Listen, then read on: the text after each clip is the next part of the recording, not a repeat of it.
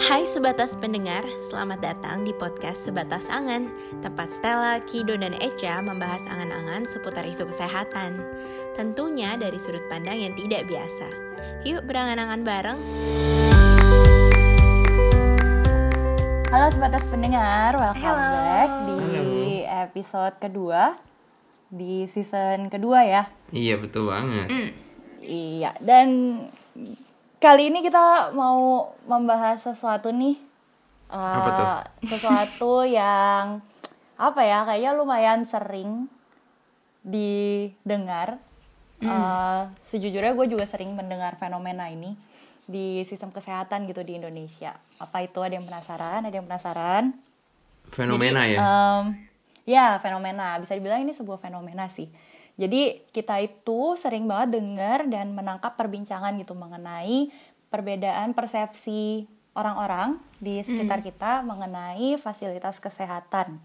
Jadi fasilitas pelayanan kesehatan eh, yang dikelola pemerintah itu tuh kesannya lebih buruk dibandingkan yang swasta. Jadi orang-orang tuh milih lebih banyak ke rumah sakit swasta atau ke klinik swasta dibandingkan dengan sesuatu yang dikelola oleh pemerintah.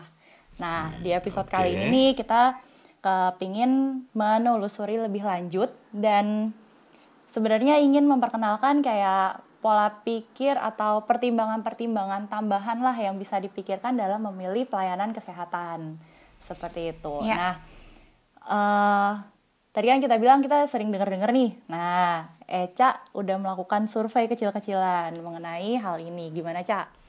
Jadi kemarin eh, berhubung aku diundi non dokter dalam podcast ini, jadi aku berusaha eh, leverage relationship yang aku punya dengan eh, teman-teman sekitar sama keluarga juga. Jadi kita kemarin bikin survei eh, kecil-kecilan sih, ada 56 responden di mana tujuan kita itu pengen cari tahu nih dari dari eh, orang-orang yang kita tanyain ini eh, bisa dibilang 98% lah nggak berkecimpung di bidang kesehatan gitu. Jadi orang-orang yang eh, menikmati pelayanan kesehatan sebagai orang awam gitu. Hmm.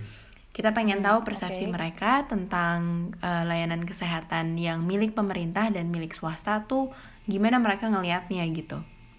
Nah, menariknya eh, pertama-tama sebesar 98% daripada orang-orang yang kita tanyain itu bilang bahwa mereka sadar bahwa ada eh, rumah sakit yang eh, punya pemerintah juga bukan cuma swasta. Jadi mereka aware of of the two different types of rumah sakit lah atau atau layanan kesehatan. Tapi begitu ditanyain eh, oke kalau lu jatuh sakit first place yang come to mind yang akan lu kunjungin tuh apa gitu. Menariknya 75% responden dari yang kita tanyain itu bilang mereka akan pergi ke rumah sakit swasta atau klinik swasta kalau misalnya sakit. Hmm. Sedangkan cuman eh, dua persen yang kepikiran untuk pergi ke rumah sakit pemerintah atau puskesmas. Itu kan kayak jomplang banget Hmm. kan. Dan sebenarnya itu kurang lebih meskipun ini sampel pool kita kecil lah 56 orang tapi itu kurang lebih menggambarkan eh, persepsi orang akan eh, pilihan pertama mereka nih kalau mereka sakit dan mau perlu eh, layanan kesehatan. Setidaknya ada sekelompok eh, segelintir orang yang eh, mayoritas Hmm, berpikir seperti itu ya. Iya. seperti itu. Betul. Dan perlu di-highlight juga 24% dari mereka kemarin bilang oh tergantung dokternya di mana dan gak mentingin Hmm. pemerintah eh rumah sakit itu pemerintah atau swasta. Hmm. Jadi nyari dokternya ya. Betul, itu kan kita juga kayaknya common kan ya kalau sakit sesuatu yang kayak lumayan spesifik, eh dokter mana sih yang bagus gitu kan kita nggak Iya, nanya. iya, iya. Oh iya, Rumah banyak tuh yang nanya ah. sakit ini ke mana ya gitu. Betul. Jadi itu itu itu em, sebuah kayak research kecil-kecilan yang kemarin kita bikin lah untuk untuk pengen tahu bagaimana pandangan eh, orang-orang di sekitar kita nih, terutama Ya. mereka yang nggak familiar dengan eh, pelayanan kesehatan. Ada lagi nih pengalaman gua gitu. Waktu itu sempat kerja gitu kan di klinik menengah ke bawah di Jakarta. Dan waktu itu tuh menarik gitu yang ada satu fenomena ini yang gua temukan waktu kerja di klinik tersebut di mana pasien-pasiennya yang kondisi ekonominya menengah ke bawah itu tuh lebih prefer lebih memilih untuk pergi ke klinik yang tempat gue kerja daripada ke puskesmas. Walaupun puskesmas gratis gitu. Hmm, dan Oke. Dan waktu itu sempat kayak ya kepo lah nanya-nanya kan. Eh, biasalah apa sal- eh, salah satu cara untuk bangun raport eh, relasi dengan pasien gitu. nanya-nanya kenapa sih bu? Pak eh, kan puskesmas gratis gitu. Ini kan bayar gitu kan. Dan dan waktu itu tuh jadi muncul beberapa alasan yang bisa gue tangkap. Di mana di puskesmas itu tuh karena mereka nggak mau ke puskesmas karena antrinya tuh lama yang pertama. Yang kedua ada beberapa dari mereka yang bilang ah dok berobat di sana nggak sembuh sembuh gitu. Kalau ke klinik ini top chair kayak gitu gitu jadi sebenarnya eh adalah seperti itu. Jadi Iya, walaupun iya, iya. gratis di puskesmas tapi eh, pasien-pasien tuh memilih yang cepat sembuh. Hmm. istilahnya gitu ya. Yang beberapa orang yang gue temuin. Dari survei kemarin juga kelihatan sih Stel, uh, kita ada satu pertanyaan kita nanya kan, uh, pokoknya kamu di income group yang ada satu threshold yang kita set lah, kamu di income income group di bawah threshold itu atau di atas. Nah, sekitar kayak 20% daripada responden kita kemarin itu tuh di, berada di lower group itu. Tapi begitu dilihat pilihan mereka ke layanan kesehatan mana, um, kayak more than 50% daripada mereka tetap milih ke rumah sakit swasta atau klinik swasta. Jadi kayak itu itu sedikit mensupport yang pengalaman Stella juga gitu sih bahwa in the end, um, kayaknya meskipun orang yang di bawah yang di lower income group itu nggak terlalu menjadi masalah buat mereka gitu loh dalam segi harga tetap pilih akhirnya ke swasta. Tapi mungkin balik lagi ke by konteks kali ya. Hmm. Hmm. Hmm, jadi Iya. kita nggak bisa meskipun apa eh kita nggak bisa sepenuhnya mikir langsung kesimpulannya seperti itu Iya tapi betul itu betul betul. konteks sih. Ini kan kita introduction Hmm, ya hmm, hmm, ceritanya begitu Iya, nih kira-kira yang kita lihat. lingkaran masing-masing gitu dan menariknya lagi hal ini nggak cuma terjadi di Jakarta Hmm. waktu itu pengalaman gue waktu internship gitu di daerah Jawa Timur ya fenomena ini juga ada gitu Mm-mm. di mana uh, sa- pada saat diberikan pilihan ada rumah sakit pemerintah RSUD uh, dengan klinik rawat inap swasta itu ya memang ada beberapa yang lebih memilih untuk ke klinik tersebut tapi RSUD juga tetap jadi pilihan sih kayak gitu Hmm. kalau tempat lu gimana do dulu di sana internship RSUD itu rumah sakit umum daerah ya. Hmm. Nanti ki- kita Oh, jelasin iya. sedikit tentang itu. Kalau di eh, waktu itu kan gue di Muntilan di daerah Jawa Tengah itu memang apa em, RSUD-nya sih rame ya. Gue mungkin nggak punya pengalaman nggak punya pengalaman em, kayak lu yang di klinik apa di klinik swasta menengah ke bawah gitu. Tapi memang gue melihat kalau dari luar Jakarta trennya itu kalau untuk mereka-mereka yang penyakit yang nggak terlalu kronis katakanlah ya tidak jangka panjang. Mereka don't mind untuk ke klinik swasta. Karena ya setuju. Iya iya. Antriannya nggak sepadat itu. Karena kalau kayak di RSUD aja mau ke dokter spesialis katakanlah kalau pakai BPJS itu pun dia harus ngantri dari jam 4 pagi. Ada yang nginep bahkan. Karena untuk nomor antrian kan. Hmm. Kayak mau perpanjang paspor. Iya, dan, dan itu kan rata-rata kalau ke rumah sakit itu yang pakai BPJS mereka yang udah ke spesialistik lah. Iya. Jadi eh, setuju sih kalau untuk yang kasus-kasus nggak terlalu kompleks yang dirasa tidak terlalu kompleks mereka don't mind untuk ke klinik swasta karena ya antriannya panjang. Nah, ini kan berdasarkan pengalaman pribadi gua, Kido, dan Eca gitu kan. Kita udah iya. bisa menarik uh, sedikit gambaran lah mengenai persepsi manusia, persepsi kita, orang-orang di sekitar kita uh, mengenai fasilitas kesehatan dari pemerintah sama Iya. yang dari swasta gitu. Nah, kita ingin memperdalam lagi nih sebenarnya kenapa sih bisa terjadi fenomena seperti ini kayak uh, secara logika gitu kan kita dihadapkan dengan sesuatu yang satu gratis ditanggung BPJS, tetapi yang satu sisi tuh kita harus bayar dan ternyata kita Iya. memilih yang bayar gitu kan. Hmm. Nah, kita juga udah sempat research research gini. Gimana dok? Kalau di pemerintah kita pakai BPJS, tapi kalau untuk mereka yang bayar di di apa di layanan kesehatan pemerintah pun harganya jauh di bawah yang swasta ya. Maksudnya meskipun dia nggak Untuk servis yang Eh, sama. untuk servis yang sama gitu, meskipun dia nggak gratis, kalau ada yang nggak pakai BPJS ya bayarannya pun nggak terlalu mahal. Hmm. Hmm. Ya jadi eh, mungkin lebih kita akan fokus sedikit kenapa eh, persepsi ini ada ya. Iya. Kalau di Indonesia katakanlah. Iya. gue sempat searching tentang sejarah layanan swa- kesehatan swasta di Indonesia khususnya itu memang kelihatannya waktu zaman kolonial tuh kita mesti lihat dari sejarahnya dulu konteksnya konteks sejarah. Jadi waktu zaman pem- eh, kolonial penjajahan Belanda kan banyak orang Belanda di sini nih. Dan orang-orang Belanda kan kadang-kadang tinggal di sini juga dan berarti mereka juga bisa sakit kan? Iya. jadi Iya, iya. Makanya kayak eh, mereka adalah rumah sakit rumah sakit yang udah dari zaman Belanda bilangnya Heeh. ya kan nah mereka itu em, kayak semacam membuat eh, rumah sakit sendiri lah untuk sebetulnya untuk kalangan mereka Heeh. yang mana itu private bukan Oke. swasta punya bukan pemerintah punya kan Iya. Oke. Nah, jadinya em, kayak mereka tuh sebetulnya membuat adanya kelas gitu. Iya. Jadinya kayak dinilai dari dari konteks sejarah tuh kayak mereka-mereka orang Belanda itu tuh em, berobatnya ke ke situ gitu yang Kayak jadi eksklusif buat Iya. mereka gitu ya. Mm-mm. Kemudian Hmm, menarik menarik banget sih maksudnya ngomongin persepsi kita yang ada sekarang itu tuh ternyata bisa ditarik sejarahnya tuh sampai zaman Belanda gitu. Betul, karena itu ya pasti ada kelas dong yang mana kayak pelayanan eh, untuk non penjajah itu dipisahkan gitu. ter ya ya. terpisah. Makanya makanya kalau waktu pemerintah Belanda ya, menyerahkan kemerdekaan, kayak kita merdeka nih, Mm. yang sisa-sisa rumah sakit rumah sakit itu pasti jadinya kan private atau eh, swasta punya, sedangkan yang pemerintah diurus sama pemerintah gitu. Contohnya yang pemerintah dari zaman dulu, maksud kamu kayak puskesmas gitu? Iya, Hmm, ya puskesmas dibuat setelah setelah kita merdeka. Oh. Tapi dulu waktu zaman Belanda kan kayak contohnya eh rumah sakit yang di daerah Salemba heeh, yang swasta heeh. Yang angker.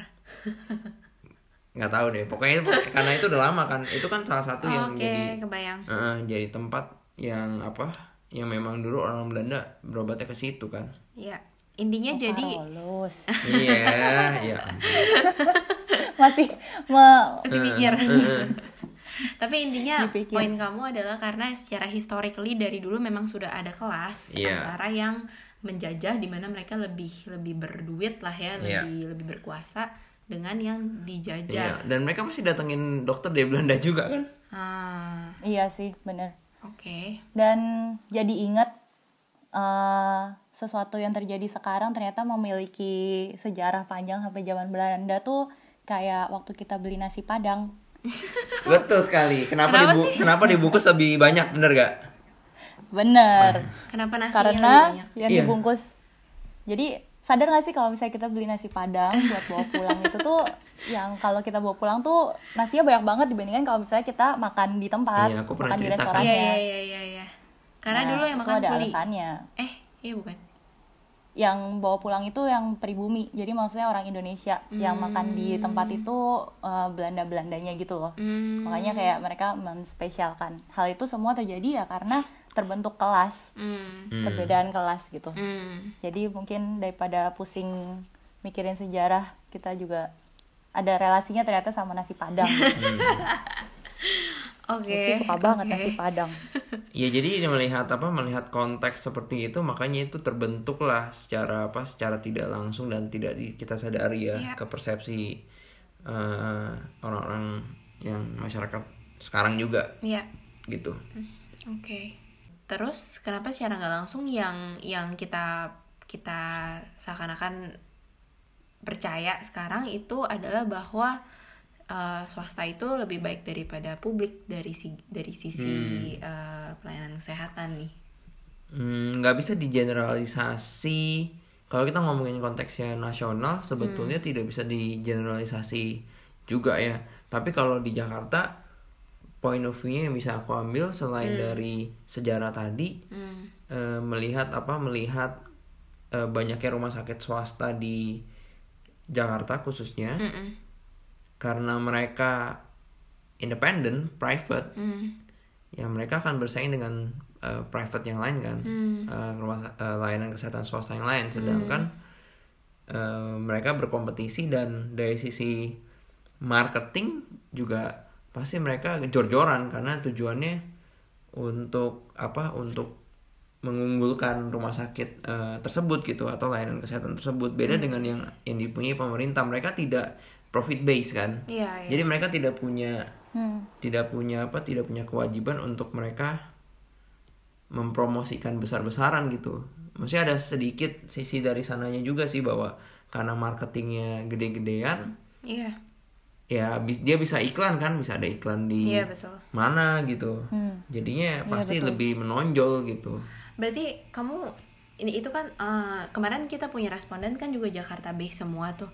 Eh, tapi dalam kata lain kamu bilang kalau di daerah atau di tempat lain sebenarnya mungkin eh, persepsinya beda ya. Berarti maksudnya ada orang bisa menganggap bahwa pemerintah eh, itu lebih baik gitu kalau di daerah lain.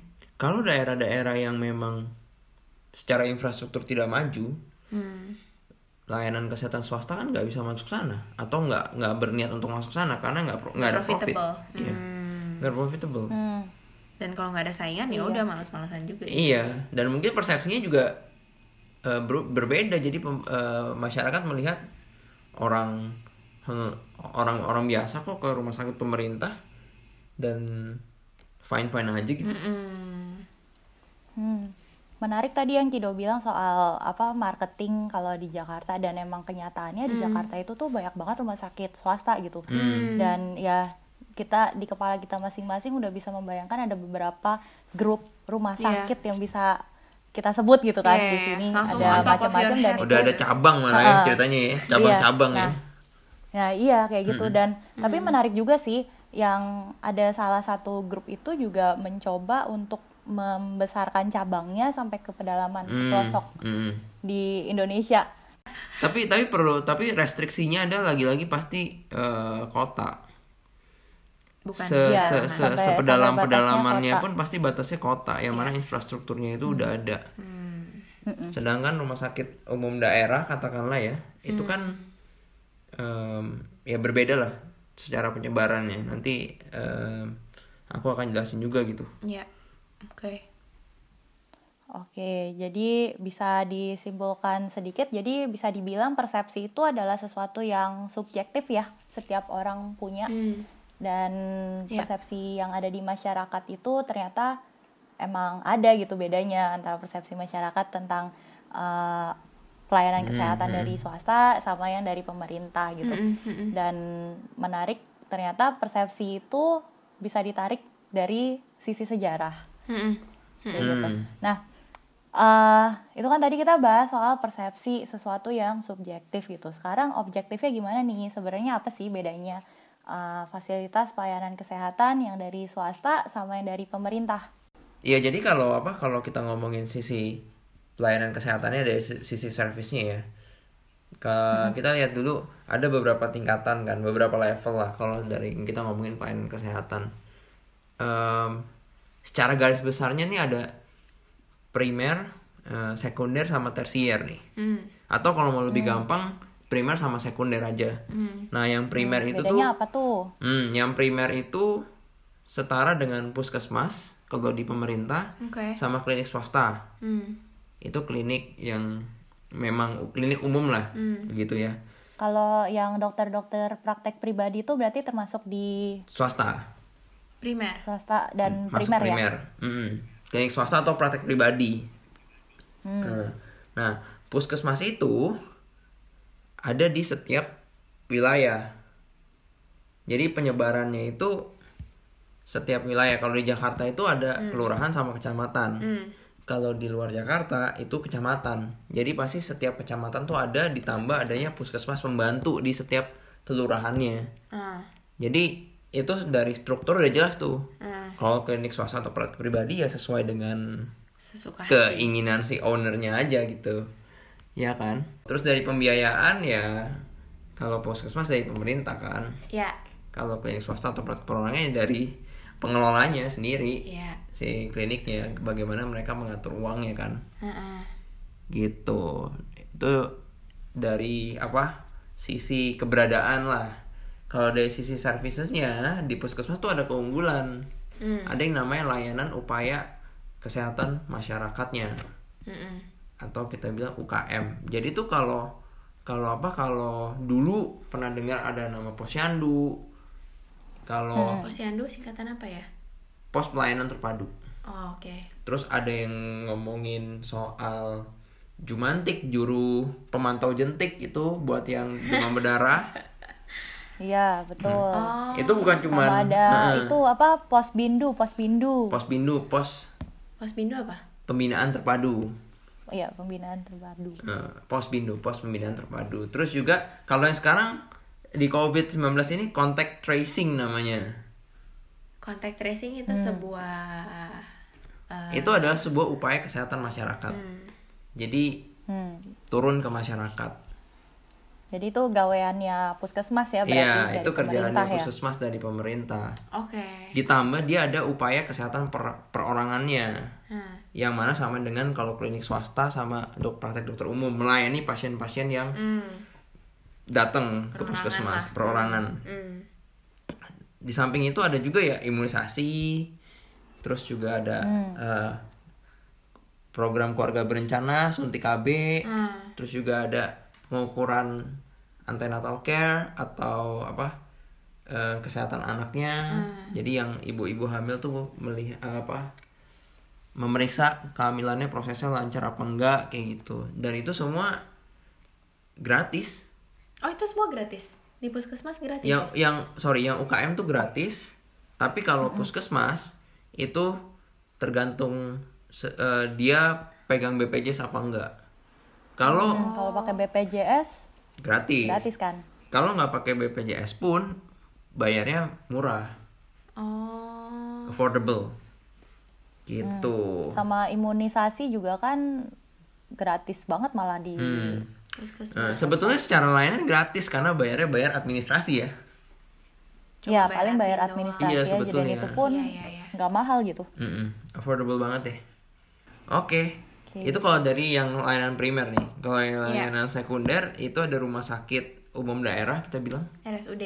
RSUD. Hmm. Hmm, RSUD. Nah itu tingkatannya tingkatan kalau di kalau di apa luar Jakarta sih tingkatannya biasa kota madya sama kabupaten.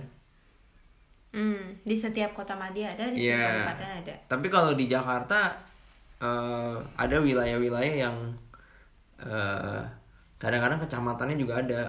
RSUD-nya. Iya, jadi ada puskesmas, ada rumah sakit umum daerahnya, kayak RSUD Tanah Abang, Hmm. RSUD Pasar Minggu, RSUD Setiabudi, kayak gitu loh.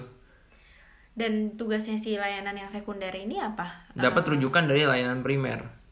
Oh.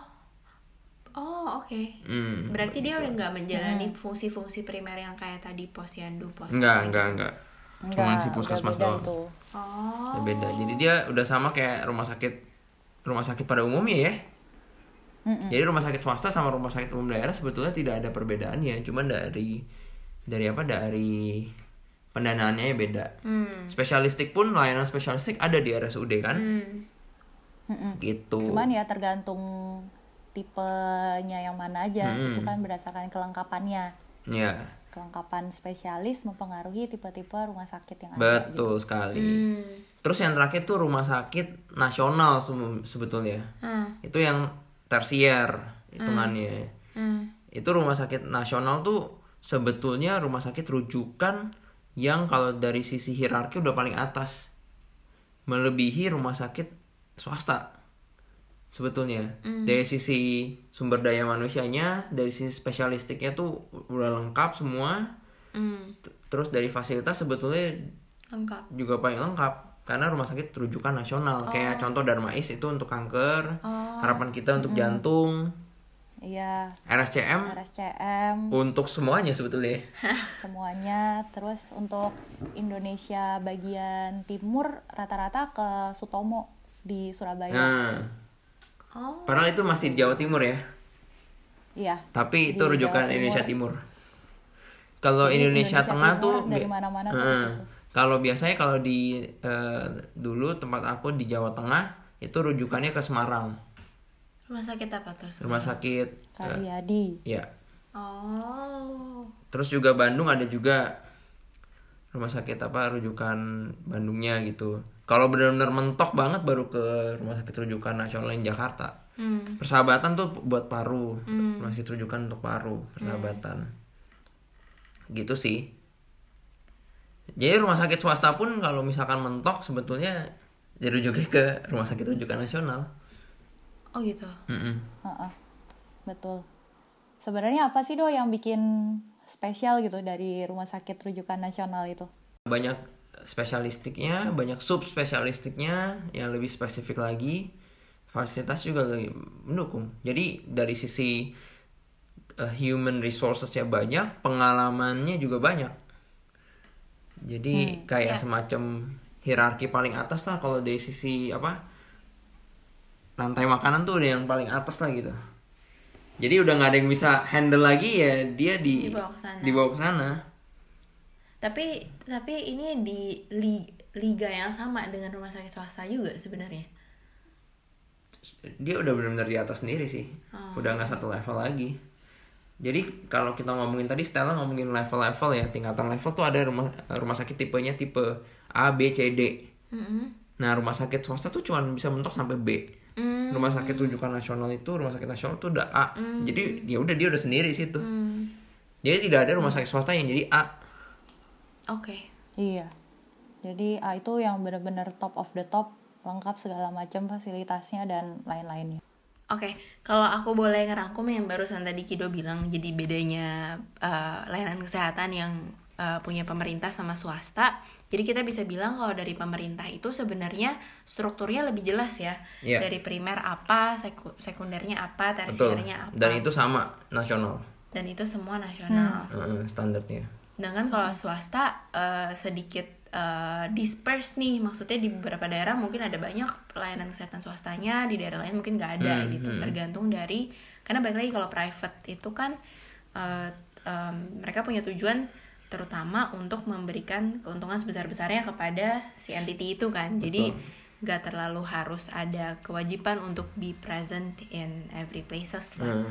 struktur ada eh, untuk pemerintah swasta mungkin kurang. Kedua em, dari segi pendanaan. Ya kalau dari pemerintah pendanaannya jelas ya dari pemerintah sedangkan dari swasta ngelola sendiri. pengelolaan sendiri dan dan emang harus muter duit sendiri gitu. Makanya juga investasi di marketing segala macam ya dan dan Iya, hal-hal betul. tersebut. Balik ke industri kesehatan lah yang kita bahas di episode kemarin. Iya. Dan yang tadi Eca bilang itu bukan uh, bukan tanpa data gitu. Kemarin gue sempat nemuin data gitu. Jadi berdasarkan ada data dari Health Policy Plus itu mengumpulin data-data dari Kementerian Kesehatan Indonesia tentang uh, rumah sakit swasta yang ada di Indonesia gitu. Hmm. Dan ternyata tuh ada 63% dari pelayanan kesehatan kita tuh yang dari swasta.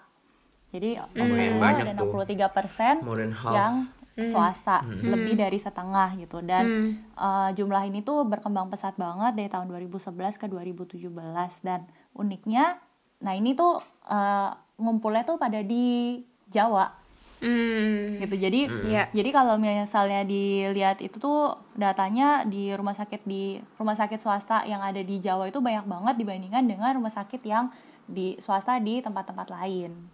Sebenarnya sejalan sejalan dengan perkembangan ekonomi kita sih. Kayak Jawa juga kan yang paling pesat, paling maju gitu kan. Emang pada dasarnya jadi terkon- makanya ibu ter- kota kita mau dipindahin kan iya, bener. Iya. Biar lebih merata. Ya, dan menariknya ya itu eh, meningkatnya rumah sakit swasta itu salah satu faktornya gara-gara meningkatnya middle class di Indonesia. Hmm. Jadi makin banyak orang yang mampu untuk afford rumah sakit swasta, Hmm. rumah sakit swasta demand-nya banyak, otomatis akan dijawab dengan supply yang lebih banyak lagi Ba- gitu. balik lagi ke riset kecil-kecilannya itu Hmm. Ya meskipun apa middle class katakanlah ya duitnya mereka tetap maksudnya kayak mau gitu punya apa punya willingness untuk kayak bayar sebetulnya Iya. Nyambung ya semua. Oh, iya nyambung banget. Ya, tadi kan udah dibahas tuh sama Kido, udah kita udah paham lah ya kira-kira bedanya fasilitas kesehatan eh, yang pemerintah punya sama yang swasta dengan keunggulan dan keunikannya masing-masing gitu. Heeh. Eh, tadi kita ngomong persepsi itu adalah sesuatu yang subjektif. Nah, sekarang gimana dong? Adakah cara objektif untuk uh, memilih fasilitas kesehatan mana yang mau kita pilih? Mungkin ada beberapa hal-hal yang perlu dipertimbangkan dan kita juga udah research. Iya, bener banget. Jadi apa kalau kita ngomongin soal pelayanan kesehatan, itu pasti kita harus ada parameternya lah. Kita mencoba untuk objektif kan. Hmm. Kita nggak bisa bilang bahwa ini bagus, ini jelek tuh based on uh, Kayaknya. perception itself ya. Nggak bisa cuman dari, Perasaan. eh, ya nggak bisa merely from perception kan. Hmm. Ha-ha. Jadi WHO itu memberikan semacam sebuah parameter-parameter Ya. yang ada enam parameter yang bisa dipakai untuk sebetulnya menilai kira-kira nih layanan kesehatannya bagus apa enggak Mm-mm.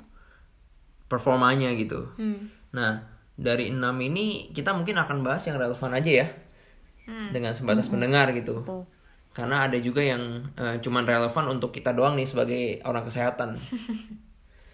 Eh, jadi dari enam itu ada empat yang relevan. Yang pertama ini soal accessibility and responsiveness. Jadi soal akses, apakah memang aksesnya itu Accessible.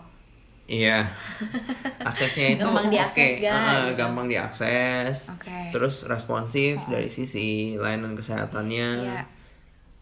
Nah, terus Dan termasuk di bawah akses dan responsiveness itu juga hospitality ya. Apa Iya. maksudnya eh, bagaimana tenaga kesehatannya itu memberikan pelayanan kesehatan Hmm. kepada pasien-pasiennya hmm, Iya. gitu. terus dari sisi kualitas biasanya tuh salah satu yang dinilai apakah eh, dokter-dokternya atau eh, tenaga kesehatan itu menggunakan guideline-nya sesuai apa enggak gitu.